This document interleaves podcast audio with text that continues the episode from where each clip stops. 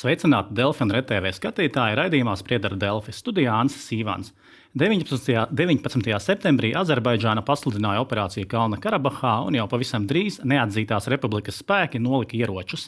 Un šodien arī paziņoja par republikas drīzu pašlikvidēšanos. Pašlaik turpinās tūkstošiem, desmitiem tūkstošu armēņu izbraukšana uz Armēnijas teritoriju, un par to, vai senais Kalnu Karabahas konflikts ar šo būs izsmalts un kā tas ietekmēs turpmāko reģionu attīstību, runāsim ar politologu Kārli Daugštu. Sveicināti! Labdien! Žurnālistu Andriu Kārpavalku. Sveiks! Sveiks. Un Saimas ārlietu komisijas priekšsēdētāju Rihardu Kolu. Labdien! Labdien. Šis konflikts par Kalnu Karabahu starp armēņiem un azerbaidžāniem ir jau aptuveni simts gadus sens, bet pēdējais lielais sācinājums bija 2020. gada rudenī, kad Armēnija piedzīvoja smagu sakāvi karā un tikai ar Krievijas starpniecību tika panākts pamieris, bet viņi zaudēja daļu, ar, daļu Karabahas teritoriju un visu buferzonu. Bet kāpēc Azerbaidžāna tieši tagad nolēma turpināt un iet līdz galam? Vai tas saistāms ar kaut kādu Krievijas ietekmes norietu līdz ar viņas novēršanos Ukrajinā? Daugštakungs. Manuprāt, tomēr šis konflikts ir saistīts ne tikai ar starpvalstu attiecībām. Un manuprāt, šeit mēs sastopamies ar 21. gadsimta tādu spēcīgu parādību, kā konflikts starp tautām, starp etnosiem. Un šis konflikts nozīmē daudz smagāku attīstības pakāpi, un arī iznākumu paredzēt ir daudz grūtāk nekā atsevišķu valdību vai arī uh, valsts iestāžu sadursmes. Tāpēc, manuprāt, šeit sāk darboties vecās derības princips - zobs pret zobu, acis pret aci kas beidzot var novest arī pie asins atriebības koncepta ieviešanas. Manuprāt, ka naids starp armēņiem un azerbaidžāņiem ir tik tālu sakaitināts, ka pat labam starptautiskie risinājumi atduras pret šo naida appusējā naida sienu. Mm -hmm. Eh, Kolkungs, kā jums šķiet, vai te ir arī faktors ne tikai šis etniskais naids, bet arī tas par brīdi, kā Krievija varētu būt zaudējusi savu ietekmi? Nu, jā, jūs pareizi iesākāt, ka konflikts ir ar simt gadu vecu vēsturi, un Dauškungs arī minēja šo uh, starpetnisko uh, situāciju, bet pēdējie 30 gadi ir vairāk tāds uh, politiski radītie konflikti, situācija pēc Padomju Savienības sabrukuma. Uh, Armēnijas pusē, kur attiecīgi uh, gan izvietojot Krievijas karaspēku, uh, gan pievienojoties kolektīvās aizsardzības organizācijai, uh, tāpat arī tālāk sakojošās virknē teritoriju apdzīvošana. Jā, tur ir saucamie indigenous, es tagad latviešu redziet, nevarēšu iedzimtie, jā, iedzimtie cilvēki um, šajās teritorijās, bet tomēr startautiski uh, Mēs redzam, ANO rezolūcijas eh, no 90. gadiem, eh, ka tās piekritīgas eh, Azerbaidžānas um, valstī. Tur skaidrs, tajā brīdī ir cita ģeopolitika. Azerbaidžānai nav tāds teiksim, politiskais jumts kā Turcija, kā 21. gadsimtā, jo Turcija tomēr 90. gados nespēlēja tik būtisku lomu. Arī 2000. gados tikai Erdoganam nākot pie varas parādījās tāds nu, teiksim, reģionālais hegemons. Turcija ar ķurku tautām. Nu, skaidrs, ka Azerbaidžāna ir musulmaņu, Armēnija ir kristieši. Jau tur ir iekodēts savs konflikts, ja tās ir kaimiņu valstis, arī tādā griezumā. Bet tas, ko tagad redzam, tas nu, izrāviens no Azeru puses, atkāpes no Armēnijas puses ir tieši impotence, eh, Krievijas impotence, eh, labā nozīmē. Šeit nesaka, tas ļoti slikti, ļoti labi. Eh, nespēja pildīt savas līgumiskās saistības, ko ne tikai starptautiskās saistības, bet arī tā, ko viņi uzņemās, kā saka, draudzīgās valstis un tā tālāk. Nu, un, um, Krievijas agresijas karš Ukrajinā, Austrum Ukrajinā, uh, milzīgie zaudējumi Krievijai. Uh, mobilizācijas, migrantu pat iesaisti mobilizācijā, nu, paņemt arī prom no tām kara bāzēm, kas atrodas pieņemsim, Armēnijā, tāpat arī Sīrijā un citur. Nu, un tas ir pamudinājis militāriem analītiķiem Azerbaidžānā, sadarbībā droši vien ar Turciju, NATO dalībvalsts, kas arī būtiski. Ka šis ir tas iespēju lokus šo jautājumu noslēgt. Un, nu, tās darbības, kas ir pēdējās dienās politiskajā līmenī no Armēnijas puses, liecina uz to, ka arī politiskajā līmenī Armēnija pateikusi, ka viss mēs nekad, nekad vairs ar Krieviju vispār nekādā veidā nevaram rēķināties un nevajag rēķināties. Un Kalnu Karabahas pašpārvalde ir pateikusi, ieroči tiek nolikti, pārvaldes iestādes tiek izbeigtas. Iedzīvotāji, tā ir viņu pašu izšķiršanās, vai viņi uh, pamet šīs teritorijas, vai nu sadarbojas ar uh, Azerbaidžānas pusi. Tur ir, protams, šīs Daugša kunga minētās vēsturiskās nianses, kas ir naids, un tās ir tās bažas arī armēņiem, ka būs zobs pret zobu, acis pret aci. Ja tie, kas tur paliks, nu, mēs redzam arī šo eksodus, 70,000 plus uh, cilvēku gājiens uz, uz, uz, nu, praktiski uz Erevānu. Uh, ar ko tas viss beigsies? Nu, atkal, nu, man liekas, ka abas divas valstis, starp citu, Armēnija un Azerbaidžāna, ir austrumu partnerības valstis arī tajā skaitā. Ar, protams, ar citādi iesaisti. Um, Armēnija ir demokrātiska valsts, to nevar noliegt. Ja mēs salīdzinām Azerbaidžānu, kura lieva uh, klans ir uh, jau diezgan uh, ilgi, un diez vai tur būs kaut kādas demokrātijas iedīgļi, arī Azerbaidžāna teikusi, ka viņa ne, nevirzās kaut kāda eiro integrācija vai ko. Turpretī Armēnija. Armēnijas iedzīvotāji varbūt ir savādākās arī domās, viņi ir eiropeiskāki. Viņi saprot, ka šis slasts, kas viņiem ir bijis ar Krievijas palīdzību, ja, protams, viņiem izēja nekur nav ekonomiskā. Praktiski no vienas puses Turcija, no otras ir uh, Azerbaidžāna, nu tad vēl Grūzija, kas arī tur spēles spēlē. Šis, es domāju, ir lūzuma punkts, kas varētu lauzt to paradigmu, kas ir pastāvējis 30 gadus. Mhm. Ja šī Armēnijas sadarbība ar Krieviju, tas Karabahas konflikts varēja būt viens no galvenajiem faktoriem, kāpēc viņi sadarbojas, kāpēc viņi ir kolektīvās drošības līguma organizācijā. Varam uzskatīt, ka ar šo, ka Krievija nav varējusi vai nav vēlējusies palīdzēt, un arī no otras puses, ka Krievijai iespējams bija interesēta, lai šis konflikts visu laiku saglabājas un valkas līdzi, ka līdz ar šo gadījumu, ka Krievija zaudē kaut kādas ietekmes sviras uz Armēniju. Kolakungs. Mm, nu, tas varētu būt. Es domāju, paša Jāņa paziņojuma, lai arī tur bija protesti, aicinot viņu atkāpties, tādēļ, ka nav bijusi pretestība izrādīta Azerbaidžānas spēkiem. Bet tāpat laikā mēs redzam, ir paziņojumi gatavības kopīgas militārās mācības ar ASV.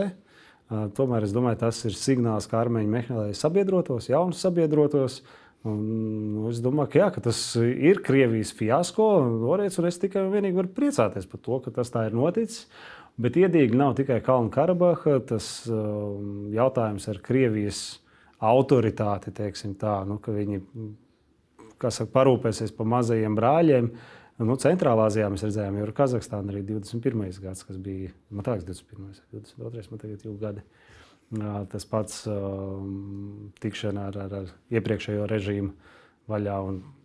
Tur Kazahstāna pateica, nē, mums nevajag jūsu palīdzību. -hmm. Šis tāds Azerbaidžanai, uh, Armēnijai tāds izšķiršanās brīdis, uh, teikt, tautai demokrātiskajā uh, ziņā, jo, uh, ja Pašinjāns tiek nomests, kas no vienas puses varētu būt Krievijas cerība un vēlme iebīdīt uh, savu, savu cilvēku, savu varu, tad Krievija šo ietekmi saglabās.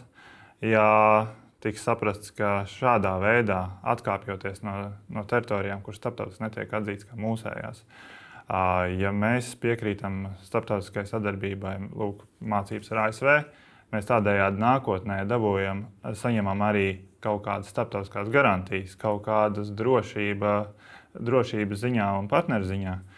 Tas ļautu varbūt potenciāli izvairīties no tā, no kā armija šobrīd baidās, ka Azerbaidžāņi uz Armēniju arī skatās kā uz savu rietumu Azerbaidžānu, kā viņi to mēdz teikt. Un tas tāds vairāk etnisks, ba etnisks bailes, cik tās pamatots, bet uh, šis pamato, šīs bailes var iedzīt gan atpakaļ Krievijas ietekmes zonā, ja Krievijai izdodas gāzt pašiņā, gan nostiprināt tieši saites ar rietumiem, ja, ja, ja, ja cilvēki redz to. Mhm. Te tad jau sāka minēt par šo pašiņienu. Vispār jautājums par Armēnijas sabiedrības reakciju, kādas to ir, vai vispār pēc šādas, nu, droši vien armēņiem ļoti smagas sakāves, ir iespējams, ka valdība noturās Daugštekungs, kā jūs domājat? Manuprāt, ka šoreiz jautājums nav tik daudz par valdību, cik par tālāku šī konflikta eskalāciju. Un manuprāt, ka Krievija jau 2020. gadā ir veikusi nodevību pret armēņiem. Jo pat labam jautājums ir par tālāku Azerbaidžānas virzību Armēnijas teritorijā, lai izveidotu koridoru ar Nahičevaņu. Tur, kur tikko tikās Erdogans ar Alievu, un tas ir tagad nākošais solis kas skars tieši Armēnijas teritoriju. Tā saucamais Zangezūras koridors. Tur Zangezūras koridorā, jeb šim koridoram pa vidu, ir tāda pilsēta Šunika. Tā bija padomju laikos, PSRS laikos, milzīga militārā, militārais aerodroms, lidoste. Un šeit Armēnija kādreiz, lai nodrošinātos faktiski šī Zangezūras koridora, tā sakot, eksistenci ODKB vai šī kolektīvās drošības ietvaros, piedāvāja Krievijai eh, atjaunot šo karabāzi. Un Krievija atteicās. Līdz ar to mums jāskatās, kādas intereses ir Krievijai tieši atjaunot caur Karabahu, caur ar eh, Azerbaidžānas teritoriju šo dzelzceļa līniju, kura kādreiz viņa pat labi neslēgta, atjaunot šo dzelzceļa līniju, kura savienos ar Irānu. Un tur ir sākas tāda ļoti nopietna ģeopolitiska spēle. Un, protams, jums ir taisnība par to, ka šeit starptautiskie novērotāji un starptautiskās eh, sabiedrības ietekme būs milzīga. Taču, manuprāt, šeit darbojas jau tādi ģeopolitiski, strateģiski apsvērumi, kuri vairs neskar, teiksim, valdības krišanu Pašiņanu. Pašiņanu Putins neieredz. Dabiski, ka viņš gribētu dabūt viņu nost, jo viņš neiedaras, tā sakot, autoritāro līderu mm, šajā konglomerātā. Un tāpēc, protams, ka šeit savienojas ļoti būtiski gan ģeostrateģiski, ģeopolitiskie ekonomiskie, un tas ir šeit mēs redzam ļoti nopietnu starptautisko saspīlējumu ap šo eh, faktiski ļoti eh, svarīgo teritoriju. Karabahu un Nahičevaņu un līdz pat uh, Irānai. Un, protams, ka šeit mums nav vēl uh, teicis vārdu viens no lielākajiem spēlētājiem, un tas ir Ķīna. Tāpēc mēs gaidām arī Ķīnas, teiksim, kaut kādā veidā reakciju, kura būtu, sakot, daudz uh, skaidrāka. Pat laba liela skaidrība šī jautājumā nav. Taču Pašiņāna valdība pat labam, protams, ka tā atrodas ļoti sarežģītā situācijā. Uzņemt vajadzēs apmēram 120 tūkstoši etnisko armēņu. Armēnijai tas ir milzīgs sloks ekonomiskais, un tie 11,5 miljoni, ko kā steidzīgu palīdzību piešķīra rietumi, manuprāt, tas ir tikai tāds, nu, tā sakot, ļoti tāds neliels plāksteris uz šo sāpīgo vietu. Mhm. Paldies, Daugša kungs. Nahčivanas autonomā republika arī bija viens no jautājumiem. Es gribētu jautāt arī jums, vai jūs uzskatāt, ka ir iespējams, ka Azerbaidžāna kaut kāda panākuma iedvesmota plānot ar kaut kādas tālākas uh, ofensīvas? Lai jau vietu konkrēta pret Armēnijas teritoriju, kas vairs nav neatzīta republika. Mm. Atkal tā būs tīra spekulācija, nekas vairāk. Um, es domāju, ka ļoti cieša koordinācija Azerbaidžānā ir ar Turciju. Uh, Turcija, kā jau iesākumā minēju, ir savu plānu uz reģionu, savas ambīcijas arī Erdoganam, ir īpaši pēc pārvēlēšanas, uh, kas, kas man liekas, viņam iedod redzēt vēl man ir mandāts un tas, ko esmu darījis, ir pareizais virziens. Uh, un, nu, jāsaprot, ka Azerbaidžānai slēju, kas arī ir tranzīta, Irāna, Turcija nav draugi. absolūti ne. Un uh, Krievija ar Irānu citas spēles spēlē, kas absolūti uh, Turcijai arī nav pieņemamas nu, ne tikai kā reģionāliem spēkiem, bet nu, arī jāskatās caur NATO prizmu. Nu, nav tā, ka vi, pilnīgi visu, ko, var, ko Erdogans izdomā uz savu galvu, var darboties. Tomēr pastāv risks arī ar piekto pantu un iesaisti un sabiedroto iesaisti militārā konfliktā. Um, līdz ar to es domāju, tur būs dozēta rīcība. Visticamākais tā, tā virzība varētu būt tāda, kāda, nu, ko es minēju, kas ir tās startautiski atzītās ar ANO rezolūcijām teritorijas, vai tālāk dosies, vai, vai kā. Nu, tā ir tīra spekulācija. Es nezinu, Daudzkungs ir daudz vairāk analizējis um, vai nu paziņojumus, vai nu dokumentus, bet šajā brīdī es nevarēšu plašāk komentēt. 2020. gada rudenī, kad notika šis apjomīgais karš Karabahā, bija diezgan daudz informācijas starp, nu, par Azerbaidžāņu tehniku, kara mākslu, kā viņi to dara. Tas starp, tāda pirmā lielā turku drona baigta reklāma. Bet kas ir ar šo pēdējo dažu dienu karu, jo šķiet informācijas ir maz vai ir zināms, kā tagad kas notika? Tas, kas bija redzams tajos pašos Azerbaidžāņu propagandas video, līdzīgi kā varēja sekot karam tajā brīdī, uh, ka varēja pa to, to brīdi varēja kalnu pa kalnam ka, sekot līdzi, kā kustās fronte. Uh, tās dažas nedēļas, tā šobrīd varēja redzēt tikai to, ka salīdzinoši geogrāfiski nelielā Karabahas teritorija, kas nebija Azerbaidžānas kontrolē, tajā tika iznīcināti galvenie radarpunkti, galvenie novērošanas punkti.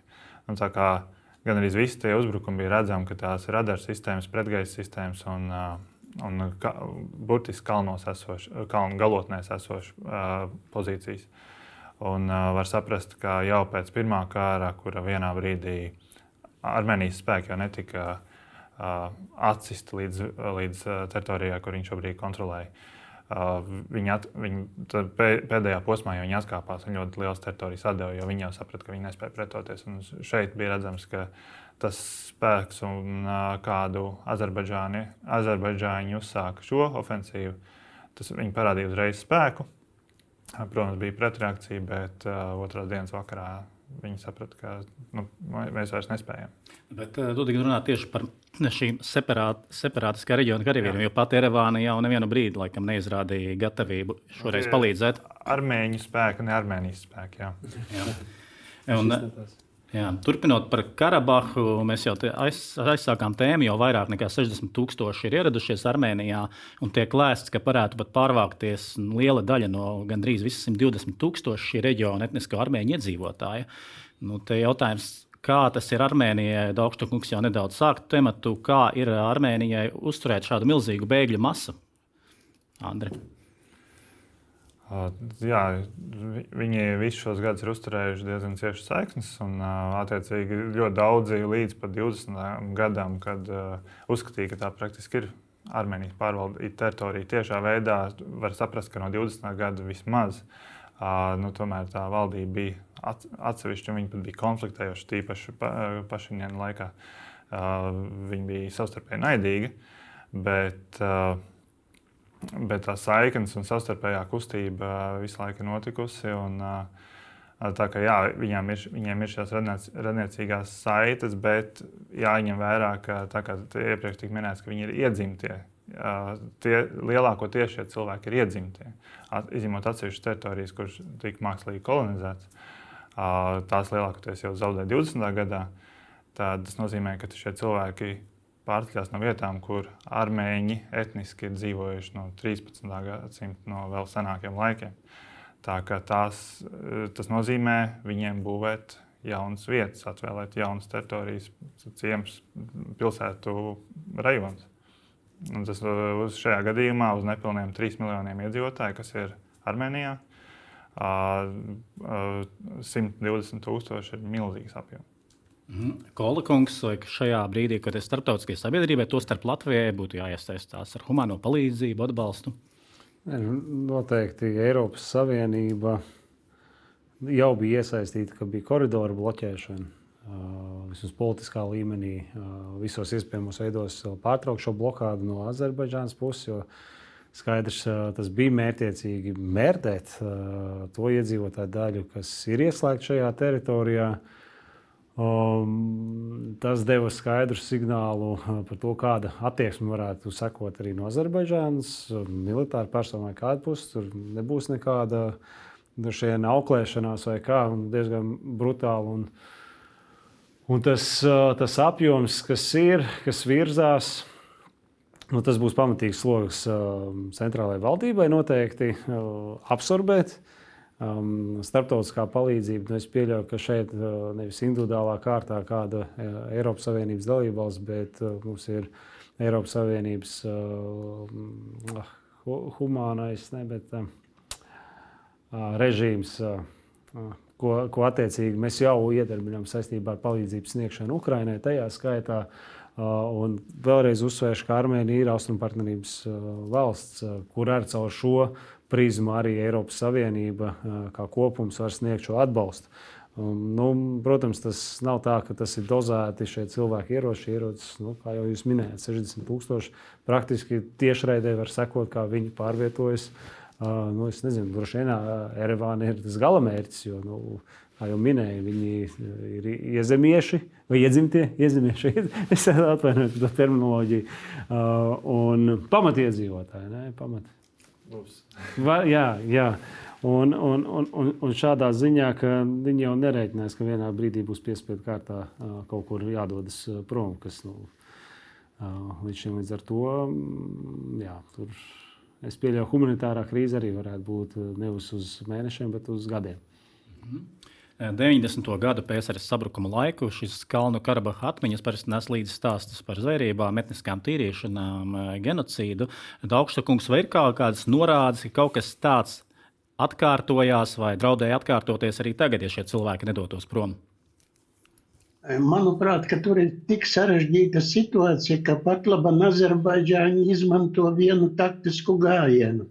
Viņi pēc būtības atvēra Lačinas koridoru, kurš bija bloķēts deviņus mēnešus, taču izlaiž galvenokārt, tā sakot, sievietes, bērnus, sirmgalvjus, bet ļoti cītīgi pārbauda vīriešus. Vīriešus, kuri varētu nest kaut kādu ieroci. Un, piemēram, pat arī vēl vairāk. Tas, ka arestēja Vardaņanu, kas ir miljardieris pēc Forbes datiem, un kurš atteicās no Krievijas pavalsniecības un kļuva par faktiski par vadītāju Kalnu Karabahā, viņš tiek aizturēts un pat labam tiek izvērsta milzīga kampaņa. Kā atrisināsies šī problēma, viņa arī parādīs tālāko darbību. Es tomēr domāju un piekrītu maniem kolēģiem šeit auditorijā, ka tomēr mēs sastapsimies ar diezgan spēcīgu etnisku tīrīšanas, etniskās tīrīšanas pazīmēm. Dažni dažādos veidos. Azerbaidžāņi un arī turku atbalstīti, tam es piekrītu, turku atbalstīti, viņi izstrādās savu dienas kārtību. Viņi nepakļausies vai arī mēģinās apiet dažne dažādas starptautisko organizāciju sankcijas vai arī kaut kādu ietekmi. Protams, ka arī Eiropa šeit ir ļoti ieinteresēta gāze un naftā, ko piegādā Azerbaidžāna. Un tāpēc šeit ir savies privātais, personīgais, etniskais, ģeopolitiskais un strateģiski merkantīlais, es pat teiktu, jēdziens un jomas. Mhm. Cik es saprotu, arī Azerbaidžānā nav nodrošināta. Azerbaidžāna nenodrošina pilnīgu piekļuvi žurnālistiem visām vietām Karabahā, tostarp galvaspilsētai. Tas arī varētu ietekmēt, radīt aizdomas, ka mēs nezinām, kas tur notiek. Andri, kā tu kā žurnālistam tas šķiet? Es uh, neesmu lasījis reportāžus no, no, no vietas. Es esmu lasījis reportāžus no armēņu žurnālistiem, kuri pamet uh, šobrīd šo teritoriju. Es sekoju līdzi. Twitter uh, ieraksti rindai no žurnālistiem, kuri ir kādu laiku tur dzīvojuši, uh, kur ir etniski armēņi. Līdz to tā ir vienpusēji viņu, viņu skatījums uz to, kā cilvēki mūk un kā viņi paši to dara. Uh, tāpēc šobrīd ir jā, ļoti grūti pateikt par, par šo otras puses sniegto informāciju. Protams, ka tajā brīdī, kad tu neredzi, kas tur notiek, tu to nevari atspoguļot. Un, piemēram, uh, Šis pats degvielas uzpildes stācijas sprādziens ir šobrīd neatrisināts, nezināms, neskaidrs. Abām pusēm teorētiski ir interese kaut ko tādu veikt, katram savu motīvu varētu būt, bet nav iespējams neatkarīgi to noskaidrot. Mhm. Kolkungs, kāda ir bijusi rietumvalstu reakcija uz līdz šim notiekošo, un vai tad viņa kaut kā mainītos, ja būs šīs bažas par uh, dažādām etniskām tīriešanām? Uh, nu, tie novērojumi tādi, nu, vismaz skatoties, ir. Nav ļoti aktīva rīcība publiskajā telpā. Ir atsevišķi dalībvalstu līderi, ir izteikušies, bet nu, līdz šim vienmēr tā komunikācija bijusi abas puses. Aicinu, saka, at, lai cik sarežģīti apstākļi atgriezties pie sarunu galda, risināt šos jautājumus. Um, kā tas varētu šajā brīdī, arī to, ko mēs redzam, tie ziņojumi, kas pienāk par humanitāriem jautājumiem, kā tie varētu nonākt dienas kārtībā Eiropas Savienībā. Es pieļauju, jo tuvākajās sanāksmēs Eiropas padomus ārlietu ministru tajā skaitā ir neformālā sanāksme. Un otra lieta ir, ka novembrī man liekas, tas varētu būt indikators, līdz kuram arī domāju, Azerbaidžāna ar, ar, ar Turcijas lielo brāli atbalstu varētu uzlikt to laika rāmu, līdz kuram viņi vienu vai otru operāciju veids. Jo novembrī vidū būs Eiropas Drošības sadarbības organizācijas parlamentārās asamblejas sanāksme Erevānā. Un, nu, Šaubos, vai Azerbaidžāna, esot arī šīs organizācijas dalībvalsts, un arī Turcija, organizējot arī Armēnijai, uzņemot uh, delegātus no dalību valstīm, uh, uzņems tajā brīdī, kad notiek vēl aktīva militāra operācija, kā to Azerbaidžāna pasniedz. Un es domāju, ka tas, um, šīs sesijas, rudens sesijas sanāksme Erevānā, galvenais jautājums būs, domāju, Kalnu-Karabaha un uh, humanitārie jautājumi. Mm -hmm. Pa, protams, papildus arī Ukrainā, kas ir neatņemama uh, dienas kārtība ECO. Mhm. Kas varētu mainīties pašā Kalnu Karabahā, ja tur izbrauks aptuveni 120 tūkstoši cilvēku? Šī republika ir paziņojusi par pasas likvidēšanos. Ko tur darīs Azerbaidžāna? Vai veidos jaunu pašvaldību, vai pievienos sev, vai tas vispār nav zināms? Daugštakungs, varbūt jums ir kāda versija? Nu, tā ir tikai versija redziet, aizvainojums par to, ka 30 gadus atpakaļ Azerbaidžāņiem nācās gandrīz līdzīgā veidā mukt no Kalnu Karabahas, no saviem īpašumiem. Tad pat labi, manuprāt, kā Azerbaidžānā aug šī kustība par repatriāciju. Un ļoti daudzi cilvēki, kuri dzīvojuši tā sakot ar cerībām, ka atgriezīsies savā dzimtenē, pat labi ir gatavi atgriezties Kalnu Karabahā. Un viņus uz to, manuprāt, diezgan spēcīgi ietekmē Azerbaidžānas masu mēdīju. Un tāpēc šeit mēs varam sadurties ar tādu, kā saka, repatriācijas vilni. No tā pašā laikā, protams, ka pa Kalnu Karabahas ielām, pa to Stepanakartas ielām, ja, galvenokārt būs soļot, soļos tikai azerbaidžāņu zaldāti. Pat labam šī civilā administrācija, manuprāt, šajos apgabalos viņa būs ļoti sarežģīti uzbūvējama. Kādā veidā to darīs, tas ir diemžēl mums līdz šim brīdim var būt tikai, kā jūs pareizi arī teicāt, tādu samērā spekulatīvu pieņēmumu ziņā. Mhm. Tad Kalnu Karabaha tukša nepa, nepaliks, cilvēki tur būs.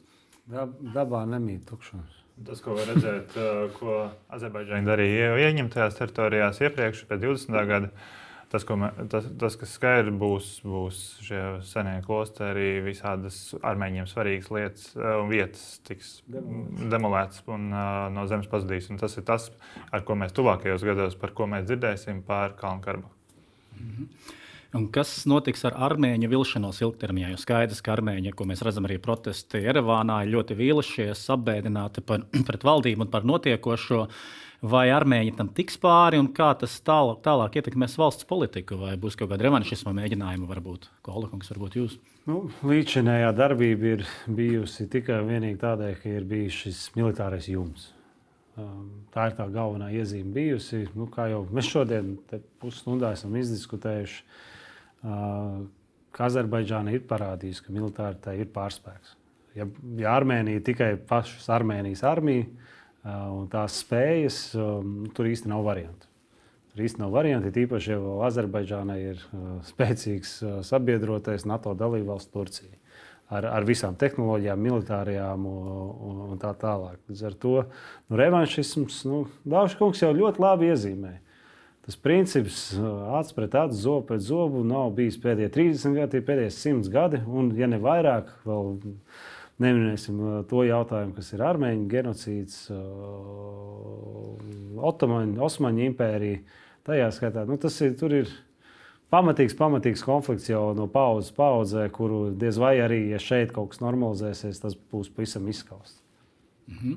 Daugštokungs, jūsuprāt, šis jautājums vēl gadu desmitiem arī ietekmēs Armēnijas politiku?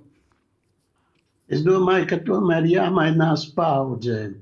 Un izrādās, ka ir viens uh, princips, ka tomēr katra nākošā paudze vairāk nodarbojas ar savām problēmām. Un vēsture it kā cenšas viņa ietekmē, protams, vēsture ir nopietnas uh, faktors. Taču tai pašā laikā paudžu maiņa var mazināt. Jaunie cilvēki, kuri nāk pasaulē pat labam, viņiem tomēr šis nacionālais vai arī pat etniski nozīmīgais jautājums, ticības jautājums, kristietības un tā tālāk, musulmaņu jautājums – viņš jaunai paudzei varbūt kļūst nedaudz mazāks. Un cerības ir tikai uz šo paudžu maiņu un nomaiņu arī pašas tādas iekšējas mentalitātes maiņu. Iespējams, bet vai tas notiks, cik tas ilgā laikā vai kādā veidā tas notiks tuvākajos gadu desmitos, es tomēr domāju, ka es piekritīšu jūsu žurnālista izteiktajiem pareizam secinājumiem, ka, secinājumu, ka tas ir uz gadu desmitiem. Grūzija, Armēnija un Azerbaidžāna ir faktiski svarīgs izies punkts uz Kaspijas jūru. Rietumiem, kur var transportēt resursus, piekļūt Vidusāzijas reģionam, nu, vai, vai, paredzams, ka rietumi izmantos brīdi, lai spēcinātu sadarbību ar Erevānu? Andri, kā tev kā žurnālists skatījums? Tas varētu būt, bet tas vienlaikus ir jāskatās arī, ka ta, tas ir tas, kā rietumi varētu skatīties šo te, uh, reģionu, jo visapkārt uh, Centrālā Azijā ir naidīgās valsts uh, vai uh, sancens kā Ķīna, Krievija, Irāna. Arī Afganistāna un uh, patiesībā tikai pāri Kaspijas jūrai caur Azerbaidžānai ir vienīgais šī demokrātiskais, demokrātiskais nevar teikt, bet draudzīgais nosacīt potenciāli režīms. Tāpēc ir vērts veidot attiecības ar to un veidot attiecības ar Erevānu, kas arī ietilpst šajā koridorā. Un tāpēc te, šo valsts samierināšana būtu mērķis. Vai, vai, vai, vai Erevānai ir citas iespējas? Šobrīd izskatās, ka nē. Ir iespējas Erevānai Mm, ar kuru tieši ar Azerbaidžānu? Iespēja, nē, šajā gadījumā sadarboties ar rietumiem vai nesadarboties ar rietumiem. Vai ir iespēja nu, absolūti. Atkal neviens, nevienu brīdi Erevānai nu, nekādas durvis aizcirtas cietā. Ar viņu bija politiskā izvēle, izšķiršanās. Nezinu, ceturto reizi laikam saka, ka tā ir austrumu partnerības valsts, kas ir ļoti būtiski. Tas nav mazbūtiski. Un, uh, tur ir politiskie instrumenti, uh, tas sadarbības līmenis viss ir atkarīgs no pašas Armēnijas. Eiropa ir gatava, ir atvērta šim dialogam par dažādiem jautājumiem. Nu, mēs redzam, ka Azerbaidžāna izmanto tos. Tirzniecības jautājumi, ekonomiskie jautājumi absolūti tiek īstenoti. Un Azerbaidžānai tā ir izšķiršanās, un kas varbūt ir vēl viens tāds būtisks faktors, kur varbūt mēs dažreiz tā, tāds kāds pavīds nāk, ka mēs to minam. Ka, uh, Nu, lai, lai viņas ņem Baltijas valstis, kā piemēram, labi, mēs neesam savstarpēji karojuši un, un, un, un nav šādi etniskie konflikti, bet uh, sadarbības formāti trīspusējie. Nu, viņi veicina reģionu attīstību. Viņi veicina dažādu uh, nu, teiksim, domstarpību risināšanu miermīlīgā ceļā. Uh, Grūzija, es saprotu, ir uzņēmusies šo līderību. Tieši mēģinot trīspusējos formātus veidot Armēniju, Azerbaidžānu, kas, nu, protams, nav viegli. Bet, nu, arī Grūzija, protams, arī ir interesants stāsts politiskā, bet pārmest viņiem, ka nav kaut kādas iniciatīvas un katrs ir saka, savā dārziņa pusē un nerunā, tā īsti nav. Ir, un viņi saprot, ka viens no otra ir līdzatkarīgi. Um, tāpat Azerbaidžāna ar gāzes piegādēm un, un vispārējo. Tas ir, tas ir reģiona stabilitātes jautājums. Un es domāju, ka visas trīs valstis varētu būt vienprātas tagad, ka tas, kas viņiem jāpanāk, ir Krievijas patriekšana no reģiona. Mm -hmm. Vai tagad rezumējot visu šo runāto, vai šī Kalnu Karabahas situācija, tagad nonākšana Azerbaidžānas kontrolē, kaut kādā mērā ir atrisinājusi šo konfliktu un izsmēlusi uz tuvākiem laikiem? Varbūt sāksim ar Daugsta kungu. Manuprāt, šis konflikts netiks atrisināts vismaz uh, tuvākajos gados. Manuprāt, ka konflikts saglabāsies, varbūt viņš zaudēs uh, starptautisku tiesisko raksturu iespējams. Kaut gan pat labam gan apvienotās nācijas, gan rietumu valstis ļoti norūpējušies tieši par šo uh, starptautiski juridisko bāzi, kā tiek risināts šis konflikts. Taču tai pašā laikā es tomēr uzskatu, ka konflikts iegūs humanās katastrofas raksturu. Un humāno katastrofu risinājumi ir vissarežģītākie. Tie ir gandrīz par lielākai daļai bieži vien pat neatrisināmi juridiski. Viņi notiek mentālās sadarbības, mentālās pretstāves apstākļos. Mhm. Kolakungs, juridiski robežu jautājumā šis konflikts varētu būt izsmelts. Saprotot, ka cilvēciskā ziņā tas tik ātri nebeigsies, bet Jā, Armēnijai nu... vairs nebūs cilvēku, ko tur aizsargāt. Nē, nē, nu, juridiski skaidrs, ka šis jautājums, ja viņš tika risināts 90. gados ar juridiskiem līdzekļiem, starptautiskā mērogā, ANO ietvaros, nu, jautājums, vai to var izdarīt mūsdienās, zinot, cik paralizēts ir ANO kā, kā, kā institūcija. Es domāju, nevajadzētu atteikties no šāda mēģinājuma. Nu, tur ir jāizrāda īstenībā tā vēlme arī no pašas Armēnijas puses, vai tas vispār ir variants. Un, un, un, jo līdz šim jau nu, nu, nē, cīņa ir par, par teritorijām saglabāšanu. Nu, ja šeit tagad ir pašpārvalde noliek ieročus un pieņem lēmumu, ka likvidē šīs pašpārvaldes iestādes, tas jau ir juridisks lēmums. Kā tas atsaucās uz Erevānas politiskiem lēmumiem, to rādīs laiks. Tagad ir jautājums par Baku vai, vai šis Nakšķervans. Uh ceļa uz Nakčervānu jautājums viņiem cik, jā, ir, ir, ir būtisks. Jā. Un vai viņi to risinās kādā citā ceļā, kā, kā, kā, kā diplomātiskā, un ilgā un sarežģītā ceļa koridoru izveidē, kuru var kontrolēt vai ietekmēt arī Irāna, Krievija, pati Armēnija, vai viņi vēlēsies ar Turciju dalīt šo kontroli pār otras valsts teritoriju. Tas joprojām ir atvērts jautājums. To mēs vēl redzēsim. Paldies raidījuma viesiem! Rīt spriedzi ar Delfa ēterā mana kolēģe Alīna Lastovska runās ar saimas priekšsēdētāju Daigu Mieriņu. Paldies, ka skatījāties uz tikšanos!